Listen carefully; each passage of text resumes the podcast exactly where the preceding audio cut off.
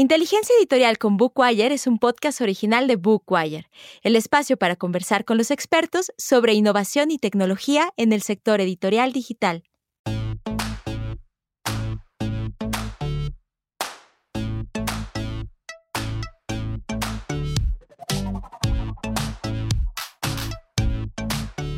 Hola, bienvenidos a Inteligencia Editorial con Bookwire Hoy nos conectamos desde Ciudad de México y Barcelona, donde me acompaña Julia Lomónaco, Product Audio Manager de Bookwire España. Julia, querida, hola, ¿qué tal? Hola, Elena, ¿cómo estás? Yo encantada de estar aquí contigo y con nuestra invitada, Juliana Rueda. Hola chicas. Qué gusto que estás aquí, Juliana. Déjenme contarles de qué va este episodio. Hoy nos vamos a meter a cabina, pues hablaremos del proceso de creación de un audiolibro y de cómo trabajan los estudios de grabación en el proceso de edición, producción y postproducción de un audiolibro. Julia, primero, para entender el mundo del audiolibro, ¿Nos puedes hablar de cómo se encuentra posicionado este formato en la industria editorial del día de hoy? Y una duda que me parece bastante recurrente. ¿Es cierto que desde el confinamiento del 2020 se han disparado las escuchas de audiolibros? Sí, es cierto, y sin duda ninguna. Los confinamientos que hemos sufrido a lo largo de los últimos dos años han modificado profundamente los hábitos de consumo, convirtiendo a millones de personas en nuevos usuarios de todo tipo de contenidos digitales. muchos amantes de la lectura han aprendido a consumir contenido en formato audio a abrir su primera cuenta en una plataforma de suscripción, por ejemplo. Y hasta hay quien tiene ya sus voces favoritas y busca los audiolibros según el narrador. Piensa que según el informe Bookwire, en 2020 la estimación del volumen de negocio del mercado de audiolibros en español se situaba en unos 10 millones de euros. Y aunque al momento en el que estamos grabando este episodio no tenemos aún los datos de 2021 cerrados, todo indica que experimentaremos un crecimiento de más de un 30% en las escuchas de audiolibros. Creo que estas cifras lo dejan bastante claro. Y sobre la producción, Julia, ¿qué es lo que nos atañe al episodio del día de hoy? ¿Es una tendencia editorial crear títulos simultáneamente en formato ebook y audiolibro o esto es más una estrategia propia de algunos editores? ¿Cómo lo ves tú?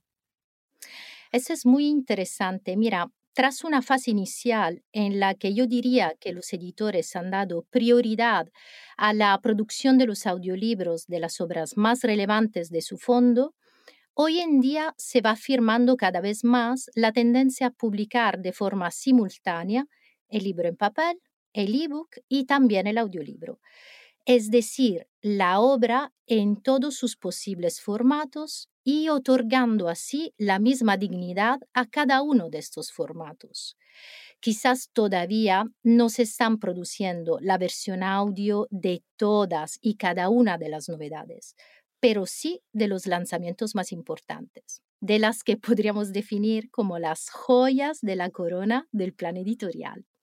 Entonces, si te parece, podríamos concluir que el lanzamiento multiformato de un mismo título es claramente una estrategia multicanal de un editor que cada vez está más establecida en el medio. Creo que va un poquito por ahí. Y sobre producción, les cuento que Bookwire tiene una amplia trayectoria ya en la producción de audiolibros, ya que desde hace más de dos años trabajamos con estudios de grabación y locutores profesionales con amplia experiencia en este formato tanto en España como en América Latina. Lo que me lleva a darle la palabra a nuestra queridísima invitada, Juliana Rueda, que ya les hemos adelantado. Ella es ingeniera de sonido, directora y propietaria del estudio de sonido Mute. Juliana, qué gusto tenerte aquí. Hola Elena, muchísimas gracias por esta invitación. Hola Juliana, es un verdadero placer tenerte aquí o estar yo aquí. Claro, es que por eso no te dije hola Julia, porque como te tengo aquí conmigo.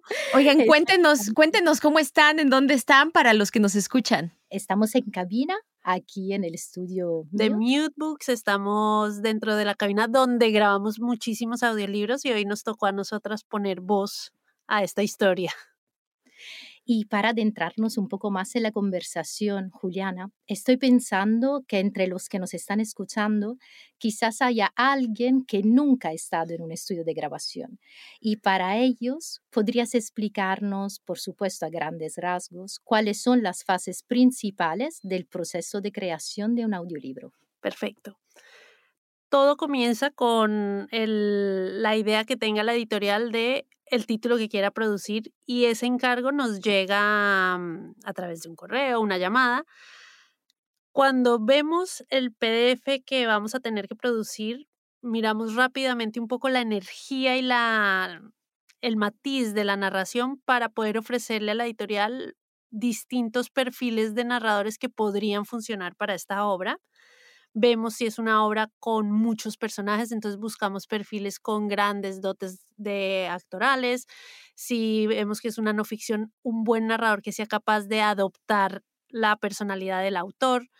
Buscamos si es un libro que tenga mucho francés o mucho inglés o eh, perfiles que sean buenos en idiomas para que realmente el, el, audiolibro tenga la personalidad requerida por la, por la obra escrita. Una vez la editorial nos aprueba este, este, ah, este narrador, pasamos al, al proceso de grabación. Dependiendo de la duración del libro, podemos estar entre 30, 60, 100 horas en estudio.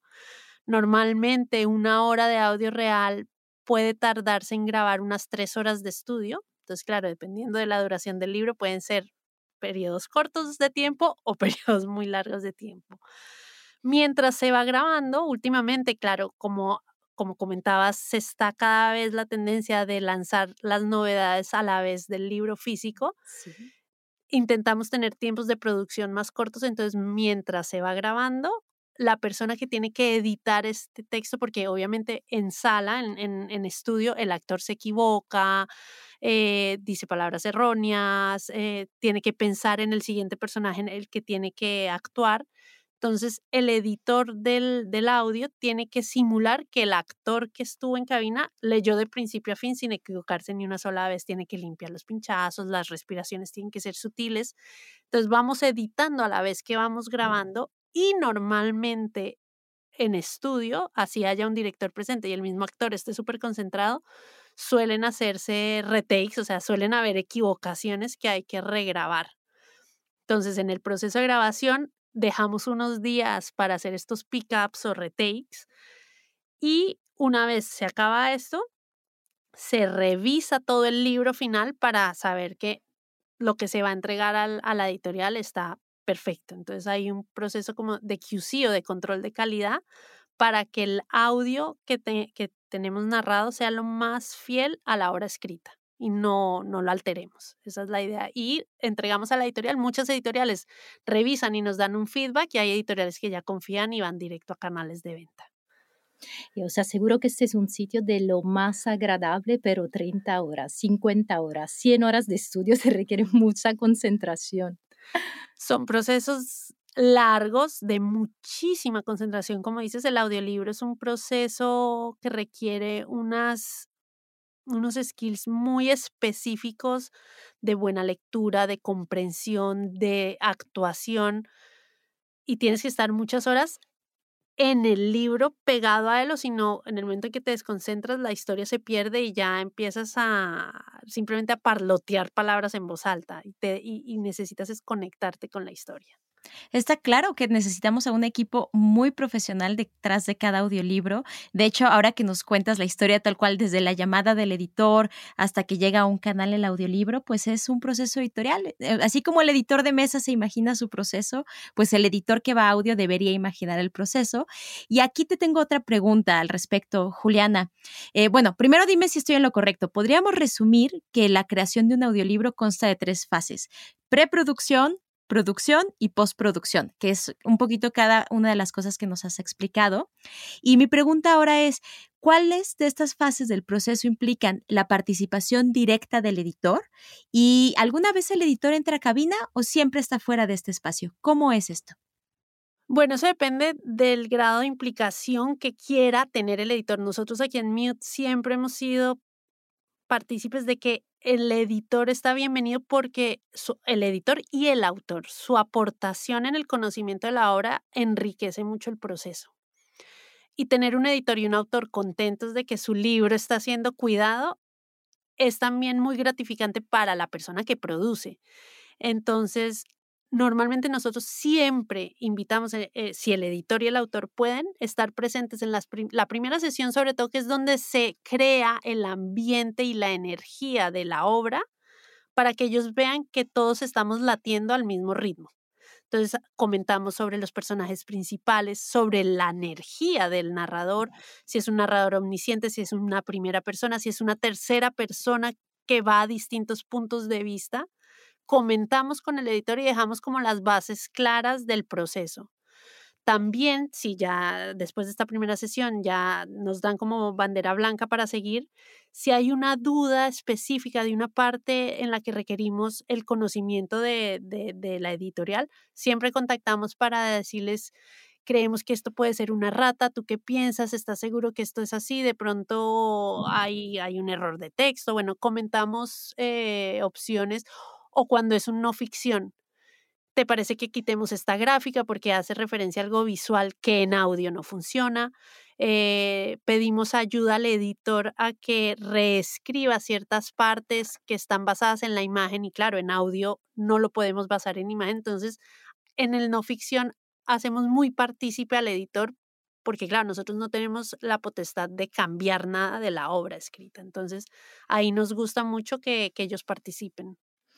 Mira, justo estaba pensando que en mi opinión el audiolibro tiene varios rasgos en común con el libro en papel y quizás más que con el ebook. Sí a pesar de ser los formatos digitales de la industria editorial. Y esto lo afirmo porque el proceso de producción no se limita a una conversión automática, sino que para obtener un audiolibro excelente, que es lo que queremos, es imprescindible involucrar a muchos profesionales y todos con una formación exquisita. O sea, digamos que me atrevo a llamarlo un proceso tan artesanal como el de la edición en papel. ¿Estás de acuerdo Cuéntanos un poco cómo lo ves tú. Estoy completamente de acuerdo. Es más, eh, sí, total. es un proceso muy artesanal y al mismo tiempo es un proceso muy nuevo, sobre todo en español. En español eh, es un formato que lleva muy poquito en el que se está formando un gremio de profesionales para que entiendan las necesidades del producto. En una hora de audio real intervienen una persona de producción, bueno, digamos que una editorial, una persona de producción que sea capaz de llevar el Tetris de todas las producciones que están en marcha, un actor, un ingeniero de sonido, un director en caso de que el libro lleve director, un técnico luego de edición que tiene que entender que no es solamente ingeniería de sonido pura, sino que hay también una un conocimiento literario porque él está trabajando con una obra escrita. Tiene que entender en dónde entra a apoyar los ritmos de lectura porque el actor necesitaba un tiempo para colocarse en los diferentes personajes. Entonces ahí el editor dice, yo aquí entro a ayudar al ritmo. ¿En qué momentos el editor se queda quieto porque el actor ya está completamente metido en la novela y no necesitamos tocar nada? En donde la respiración que quita es una respiración simplemente técnica de necesito coger aire y donde la respiración es em, emocional y, y artística, no la toco, simplemente la bajo un poquito. Entonces, el editor de audiolibros tiene que entender tanto la parte literaria como la parte técnica. Luego tenemos una persona de revisión que debe ser muy literaria, debe entender la obra escrita, cómo, cómo es esta transformación a audio y dónde tiene que intervenir sus puntos. Y luego una persona de masterización para dejar todo en las necesidades editoriales. Julián, aquí quiero destacar una frase que dijiste hace unos minutos, latir al mismo ritmo. O sea, con todos estos expertos que nos estás describiendo a qué se dedican y cómo participan en el proceso, deben latir al mismo ritmo de la obra para que tenga eh, emociones, sentimientos, sensaciones, eh, proyección y bueno, también lo que dice eh, Julia, es un proceso completamente artesanal, nos queda muy claro. Claro, es que si tú, o sea, lo, ¿por qué leer es algo que ha trascendido durante tantos años? Es porque tú haces una conexión emocional con un texto escrito.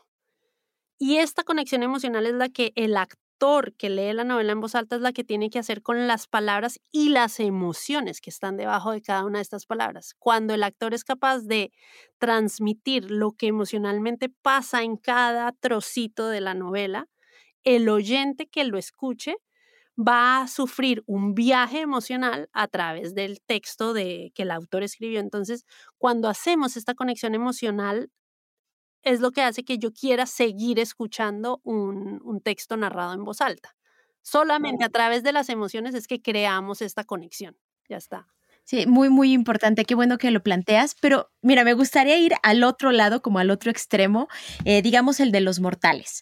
Porque con las herramientas a las que todos tenemos acceso, desde un teléfono inteligente, las computadoras y otros tipos de dispositivos, cualquiera podría grabar un audiolibro por su cuenta, pero eso no significa que el resultado sea un producto de calidad o que tenga las características de estudio que tú muy bien nos acabas de describir. Entonces, por favor, explícanos por qué es tan importante la calidad del audio y la producción en estudio. Es que primero tenemos que entender, partir de la base de qué es un audiolibro, ¿no? Porque podemos tener un libro leído en voz alta, esa es una opción, que alguien te lea en voz alta.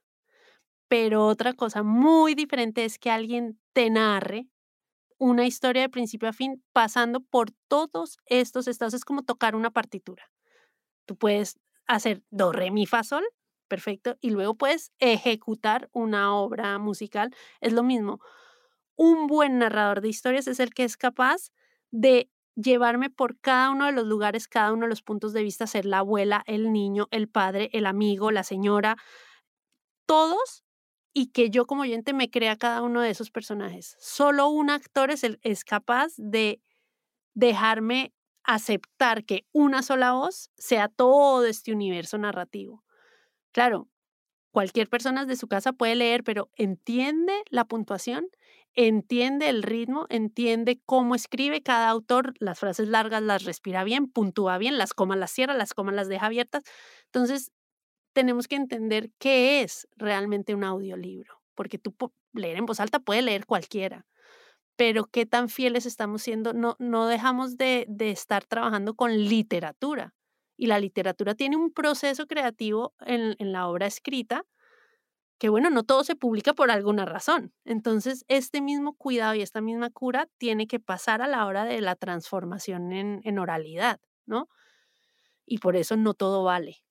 Claro. Me parece una forma también, perdóname Elena, estaba justo pensando que me parece una forma de mantener esa dignidad. O sea, atrás hay un trabajo de, de un autor y de un editor de la obra en papel y además me pregunto, ¿estaríamos dispuestos a oír un audiolibro de cuatro, cinco, seis horas? 20, 30 horas. Sin entrar en, ese, eh, en esa dimensión, en ese universo narrativo es difícil. Es difícil. justo yo iba a, comentar, bueno, además de que nos estás dando una clase magistral, Juliana, muchas gracias, iba a comentar que el público se da cuenta, o sea, estas 20, 30, 10, 5, 2, 5 minutitos que le prestamos a, un audio, eh, nos damos cuenta entonces si, ser, si es un producto casero con poca calidad y poco cuidado o si es un producto profesional, un audiolibro profesional que nos adentra al universo editorial, ¿no? De, de la idea que tenía el autor hay dos, hay dos preguntas claves. Una es,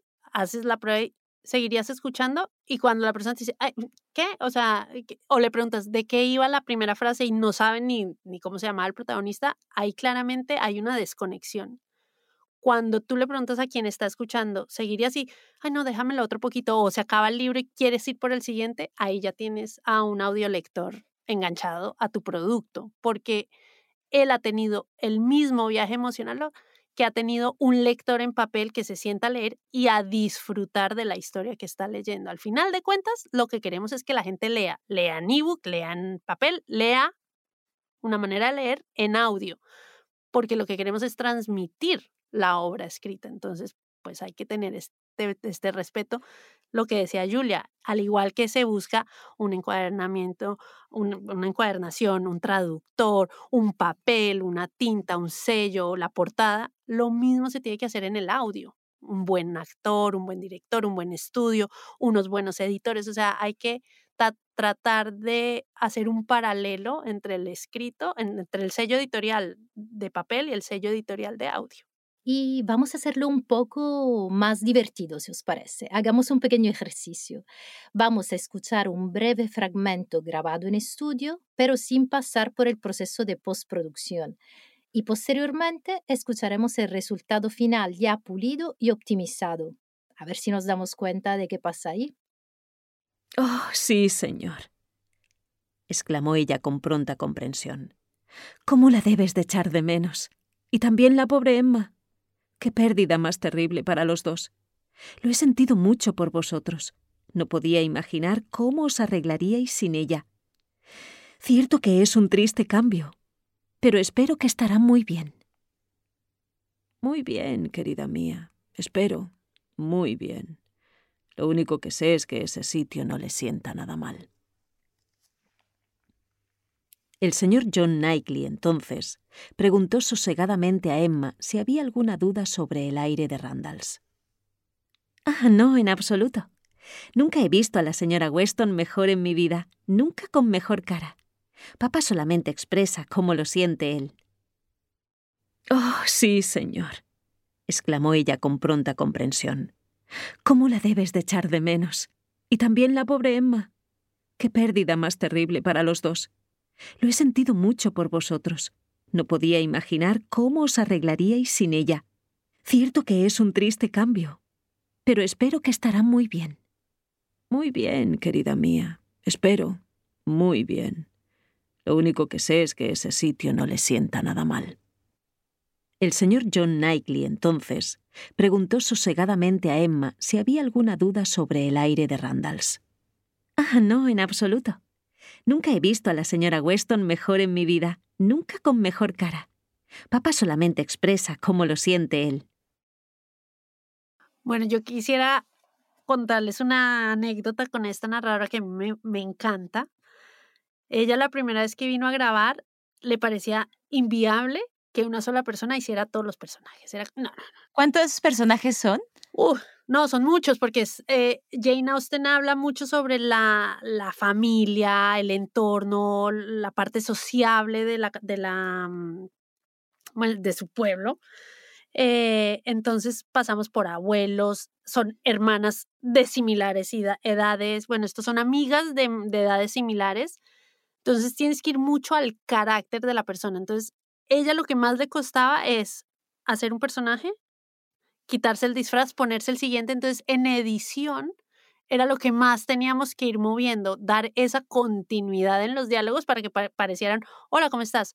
Bien, ¿y tú? Ah, sí, la vez pasada te vi en lo que sea porque ella necesitaba un tiempo físico de decir en quién estoy, cómo es, vale, perfecto, y lo lanzaba. Claro, en este punto ya es más ágil, pero es donde el editor más tenía que entrar porque es lo más difícil. Tú tienes que realmente, para el oyente, saber que Pedro es Pedro, Juan es Juan, Ana es Ana, porque si no, claro, como no tenemos el apoyo del texto, tiene que tener clarísimo quién entra. Entonces, los actores, esa parte es lo que más les cuesta. La primera, imagen, la primera imagen que me viene a la cabeza es imaginar un actor en un teatro, en un escenario, que tenga que representar solito una obra de Shakespeare. Pero sin la posibilidad de cambiarse la peluca y el disfraz, solo con la voz. Es un trabajo impresionante. Pero cuando tú los ves en sala y te fijas cómo lo están haciendo, empiezan a adoptar posturas corporales acordes al, al, personaje que están interpretando. Entonces ven al, al, sumiso y los ves que como que se encogen dentro del atril y el altivo los ves todos rectos y con la barbilla para, para arriba, pero necesitan ese espacio. No, no, o sea, los que son muy, muy buenos ya te lo hacen uno tras otro, pero, pero necesitan un espacio. Yo lo que identifiqué entre las dos pistas, la primera la sentía como muy, muy rápida, este, como que había que leer, leer, como que sacar, sacar la línea. Y la segunda, eh, la que ya tenía un trabajo de postproducción, pues la sentí como sosegada y a un, ritmo eh, muy ameno. O sea, la escuchaba con un ritmo muy agradable. Y otra cosa que identifiqué, yo aquí me siento en examen, ¿eh, Juliana? Ahorita me calificas. Identifiqué mucho, eh, mucho aire. En la primera, ¿no? Había como... No, o sea, yo, según yo, escuchaba eso y en la segunda, planito. Eso fue lo que yo vi. O escuché, mejor dicho.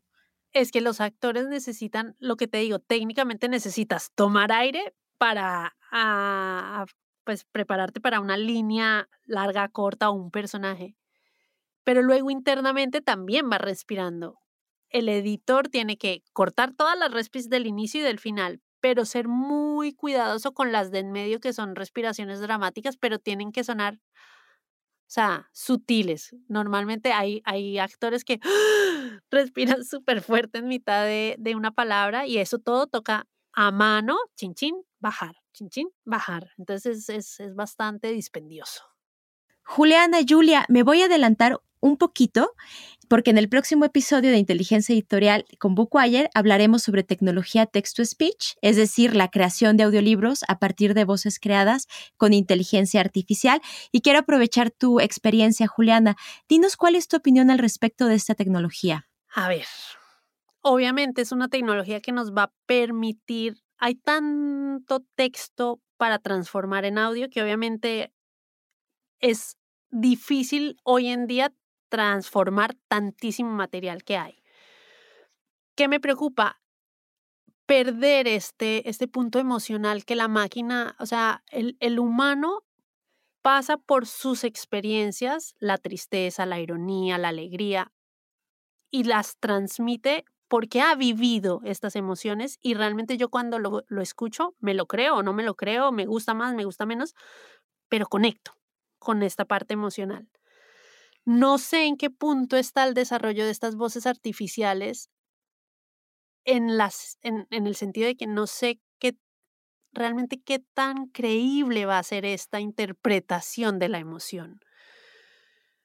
¿Cómo lo van a respirar? ¿Cómo va a ser su métrica narrativa? ¿Voy a sentir que es punto, punto, coma, coma. ¿Sabes que es como un metrónomo o va a ser una voz que pueda fluctuar en los ritmos? Porque la, lo mismo, la narración a veces necesito agilidad, a veces necesito pausar por algo muy intenso que acaba de pasar. Va a ser capaz de tener esta lectura tan precisa de, del recorrido a través del texto no sé, tendremos que escucharlo para ver si lo mismo, si somos capaces de aguantar 30 horas leídos por una, por una máquina. Julia, ¿y en tu experiencia con editores, hay muchos que están trabajando ya con text-to-speech o es apenas un recurso primario para pocos? Bueno, seguramente el tema TTS está suscitando mucho interés. Esto es, es innegable, hay mucha excitación, uh, pero todavía no estamos viendo un volumen de producciones que, podemos, que podamos considerar relevante. Habrá que esperar, supongo. Eh, Juliana, ¿y tú tienes un consejo de oro para los editores que quieran empezar con la producción de audiolibros? Sí, yo les aconsejo, o sea, que, que cuiden ese primer producto que, que que se fijen en, en, cómo se está transformando su obra, que, que, que realmente tengan ese momento de escuchar lo que se está haciendo. Cuando hagan el casting, escuchen cómo, cómo transmite este actor, cómo interpreta las voces, porque puede ser un muy buen narrador. Digamos, a mí me pasa mucho que es una voz preciosa, una voz espectacular, pero luego cada personaje, o sea, las abuelas parecen caricaturas, las mujeres parecen travestis, todos los hombres hablan así. Eh, fíjense en eso, en qué tan creíbles son los personajes, porque si la novela pasa a través de muchísimas voces, ahí se puede caer, o sea, sean partícipes de la, de la producción y, y, entiendan que es un proceso muy artesanal de muchísimas horas, que requiere un cuidado, que muchas personas juegan en una hora de audio real y que lo bueno del audio es que cuando está bien hecho, el oyente se va a quedar escuchando. Al final de cuentas es eso. Lo, mejor es que tú ves que tu oyente se queda. Y recordemos que se trata de un formato digital, entonces se produce una sola vez, pero se puede reproducir infinitas veces. Exactamente. Juliana, sin duda este es un gran consejo de oro. Me encanta eh, cómo nos enseñas un mundo muy profesional, pero al mismo tiempo muy sensible. Hay que hacer los audiolibros con tanto cariño como hacemos los libros en cualquier otro formato. Y me temo que hemos llegado al final de este episodio, que este es un tema que da para mucho, pero bueno, por lo menos creo que hemos dado una muy buena introducción. Qué gusto haber tenido esta conversación con nuestra invitada Juliana Rueda. Ella es directora del estudio de sonido Mute y con mi compañera Julia Lomo Mónaco, Product Audio Manager de Bookwire España. Chicas, muchísimas gracias por esta introducción, por esta ya clase magistral del tema audiolibros y producción en estudio. Gracias por compartir tanto. Ha sido un verdadero placer, Elena y Juliana. Mil gracias por acompañarnos. gracias a ustedes y espero que sea una semillita sembrada para más conversaciones. Gracias a nuestros escuchas por acompañarnos. Nos escuchamos en el siguiente episodio de Inteligencia Editorial con Bookwire. Dirigido por Elena Bazán. Diseño de audio y mezcla, Nico Rojas. Anfitrionas de Bookwire, Elena Bazán y Julia Lomónaco.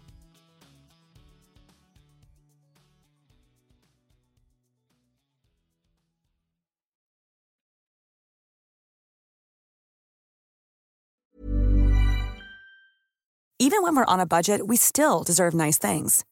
Quince is a place to scoop up stunning high-end goods for 50 to 80% less than similar brands.